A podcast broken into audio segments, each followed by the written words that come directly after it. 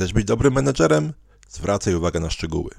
Bo będąc kierownikiem, najczęściej skupiamy się na rzeczach wielkich na strategiach, planach, budżetach, wskaźnikach czy procesach. Tymczasem rzadko zwracamy uwagę na detale, zwłaszcza w kontaktach z pracownikami. A jak wiadomo, diabeł tkwi w szczegółach. I niedocenianie wagi rzeczy drobnych może spowodować ruinę rzeczy wielkich. Oto historia jednego pozornie niewinnego SMS-a. Mamy pogodny, słoneczny poranek. Nasz bohater, nazwijmy go Marcin, szykuje się właśnie spokojnie do wyjścia do pracy. Ponieważ ma jeszcze dłuższą chwilę, zatem może sobie pozwolić na wypicie pierwszej porannej kawy. Nagle rozlega się dźwięk telefonu i Marcin odczytuje SMS-a od swojego menadżera z poleceniem, że kiedy już będzie w pracy, to ma się u niego natychmiast stawić. Nasz bohater nie ma zielonego pojęcia o co w zasadzie chodzi, ale mrozi go strach i niepewność. Błyskawicznie traci dobry humor i zestresowany wychodzi z domu. W większości przypadków sprawa będzie dotyczyła jakiejś zwykłej, banalnej czy drobnej rzeczy operacyjnej. Po prostu szef podczas robienia planu dnia przypomniał sobie, że musi o czymś z Marcinem porozmawiać i żeby tego ponownie nie zapomnieć, od razu wysłał polecenie spotkania.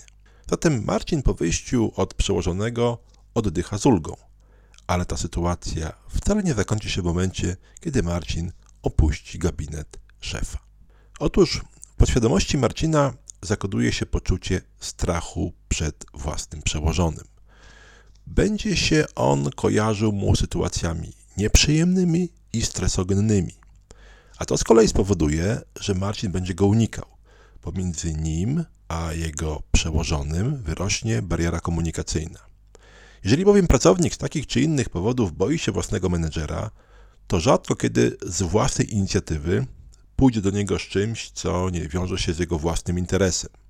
Czyli owszem, niechętnie, ale pójdzie poprosić o wcześniejsze wyjście, o dodatkowy dzień urlopu, czy też być może nawet o podwyżkę, ale już znacznie mniej chętnie, a najczęściej w ogóle nie ostrzeże go przed tym, że jest jakiś problem, który nie jest bezpośrednio związany z nim jako pracownikiem. Podobnie podczas spotkań z tym menedżerem Marcin będzie znacznie mniej chętny i skłonny do wypowiadania szczerego swoich poglądów. Jeżeli powyższy styl jest charakterystyczny dla szefa i wynika z jego chęci podkreślania władzy, to takiego kierownika załoga będzie postrzegała jako człowieka pozbawionego empatii, który nie liczy się z pracownikami.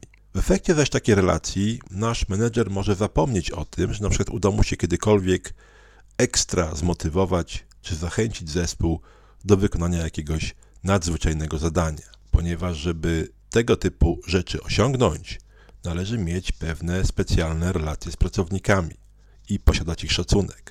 Szef, który traktuje ludzi bez cienia empatii, nigdy takiego szacunku nie zdobędzie. W tym przypadku nasz kierownik popełnił dwa kardynalne błędy. Po pierwsze, komunikował się z pracownikiem w jego czasie wolnym od pracy, chociaż nie było ku temu prawdopodobnie żadnego powodu. W ogromnej większości przypadków sprawy zawodowe mogą zdecydowanie poczekać do następnych godzin biznesowych. Komunikacja w czasie wolnym od pracy nie dotyczy zresztą jedynie telefonów czy SMS-ów.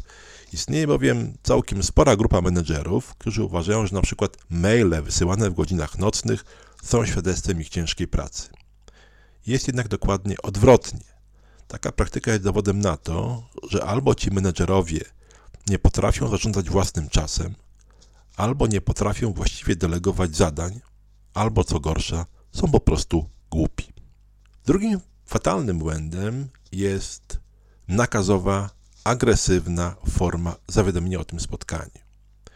Tego rodzaju meetingi ad hoc w sprawach drobniejszych powinno się aranżować bezpośrednio w biurze albo poprzez telefon, albo po prostu poprzez podejście do pracownika przy jego biurku i poproszenie go o chwilę rozmowy. Jest to naturalne, niestresujące i znacznie bardziej produktywne.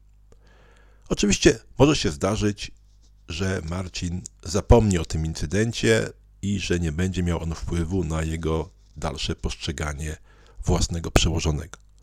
Ale nie czarujmy się. Tego rodzaju zachowania menedżerów na ogół nie są pojedynczymi przypadkami, ale efektem fatalnego stylu zarządzania. Marcin zresztą, który jest postacią rzeczywistą, nie pracuje już w tej firmie prawie 3 lata. A mimo to było to jego pierwsze wspomnienie, kiedy zapytałem go o to, jakie miał relacje z przełożonymi. Jeżeli jednak w przypadku danego menedżera jest to tylko wypadek, to tym bardziej warto jest sobie uświadomić, jakie poważne konsekwencje może wygenerować pozornie niewinny błąd. Uświadomienie sobie tej sprawy i próba korekty własnych zachowań będzie zdecydowanie z korzyścią dla relacji z pracownikami, która oczywiście przełoży się na znacznie lepszy styl i znacznie lepszą jakość waszego zarządzania.